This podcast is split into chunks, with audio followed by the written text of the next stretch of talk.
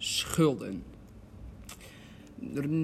Gemaakt door Niels en Ruben, klas 2C, Bonnego College, Heerenveen, MAVO 2 en ehm, vak Economie. En de docent is meneer Julianus. Hoe raken mensen in de schulden en wat kunnen ze doen om uit de schulden te komen? Dat is de vraag. Inleiding, uitleg over de schulden, hoe mensen in de schulden raken en ze weer uitkomen. En daar geven wij antwoord op. Geven en we hebben vier deelvragen en een eindconclusie.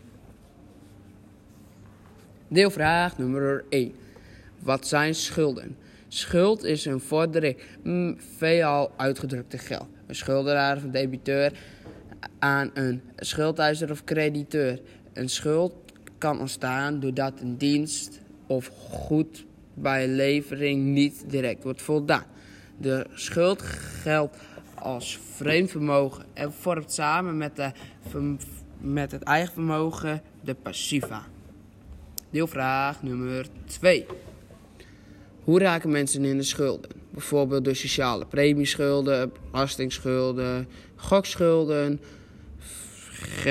Fiscaal is het belang van de eigen wonings, leningen, drugs, gok, loon, loonschulden heb je ook nog. Deelvraag nummer 3. Zijn er instanties die je kunnen helpen? Zorgbewind Nederland hebben wij gebeld. En daar kregen we de volgende antwoorden. We hadden drie vragen gesteld, deze antwoord. Hoeveel mensen komen er per jaar ongeveer bij Zorgbewind Nederland? Ongeveer 50 tot 60. 50 tot 60. Kost het geld als mensen hulp nodig hebben? Als ze een laag inkomen hebben, dan wordt het door de gemeente betaald. En als ze salaris hebben, dan moeten ze het zelf betalen.